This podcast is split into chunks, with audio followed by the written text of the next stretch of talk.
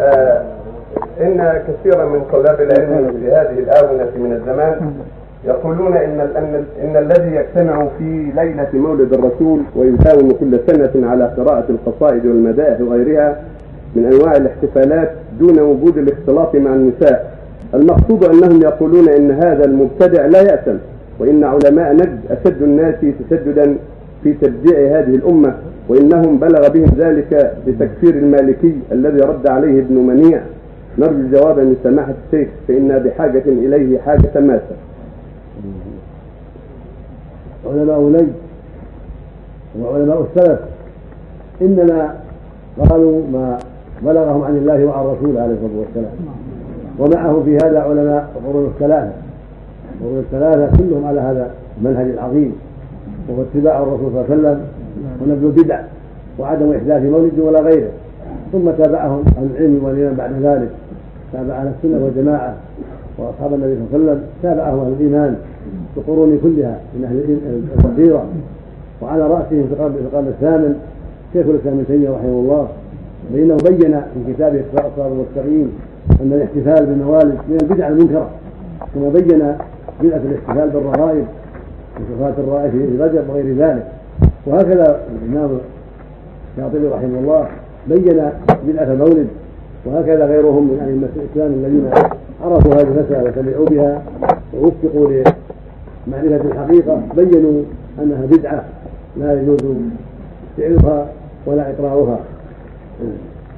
والذين يتساهلوا في ذلك إنما تساهلوا ظنا منهم أن ذلك لا بأس به ولم يتفطنوا للأصول المتبعة والادله الصحيحة الصريحة في تحريم البدع بل غلب عليهم تقليد غيرهم من آبائهم وأسلافهم.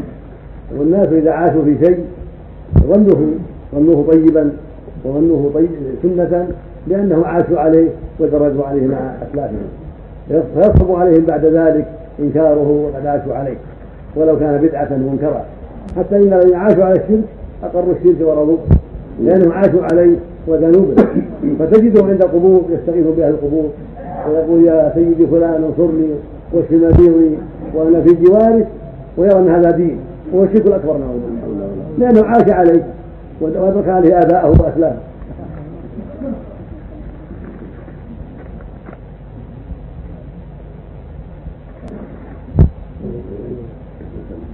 وفي هذا الزمان في هذه الأخيرة منذ سنتين أو ثلاث ألف المدعو محمد علي المالكي الدكتور محمد علي المالكي كان شابا وكان يرجى فيه قبل ذلك العلم والخير ولكنه أخيرا أظهر شيئا ما كنا نظن أنه يظهره.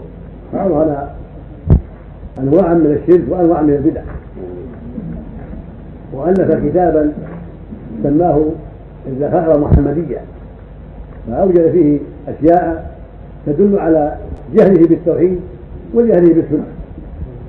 ولذلك رد عليه أهل العلم وردت عليه هيئة كبار العلماء ورد عليه غيرهم من إخواننا في مصر وغير مصر من أهل العلم والإيمان. وذلك أنه يد الله وليوقعها سبحانه وتعالى وليوقعها من يشاء سبحانه وتعالى.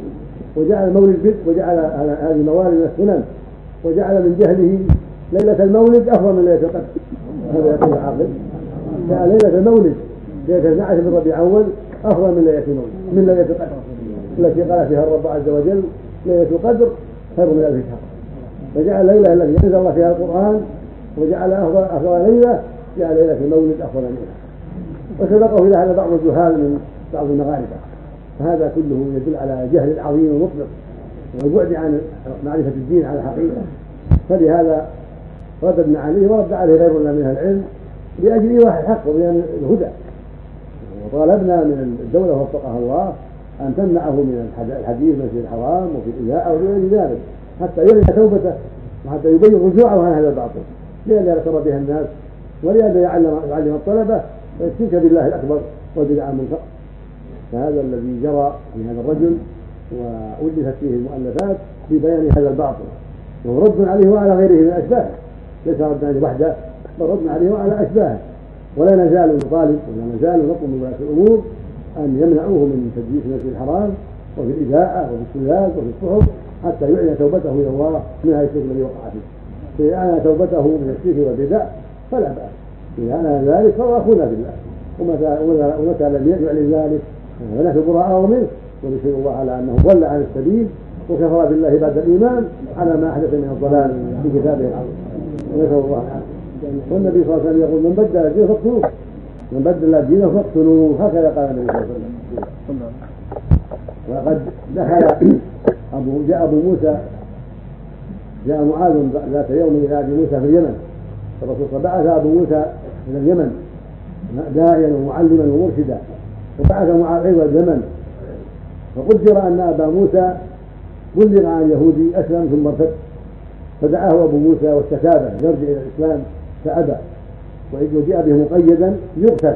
إن لم يتب يقتل. فجاء معاذ. فقال ما هذا؟ المقيد قالوا هذا رجل أسلم ثم ارتد إلى دينه الباطل اليهودية. فقال معاذ لا أنزل من دابتي حتى يقتل. قضاء الله ورسوله. فقال أبو موسى إنما جئنا به يقتل. جئنا به يقتل إن لم يتب. قال ما أنزل حتى يقتل. ما دام ما أبى التوبة لا أنزل حتى يقتل قضاء الله ورسوله. فرد على الإسلام بين المسلمين شأنها خطير شأنها عظيم ونشر الكفر بين الناس في الكتب شأنه خطير وبلاؤه عظيم. فعلوي أو العلوي من الناس به أو عمرو إذا أظهر الكفر بالله وظهر بدع وجب أن يخلع على يديه. ويجب أن يمنع أن يمنع. ولو كان من أولاد الأنبياء ولو كان من أولاد الحكومة ولو كان من أولاد علماء البلاد ولو كان من أعيانهم ارتد عن دينه وأظهر كفره وجب أن يخلع على يديه كائنا من كان سواء كان زيد أو عمرو والله المستعان. نعم نسأل الله أن ينصر دينه ويعلي كلمته لما يهجر على المسلمين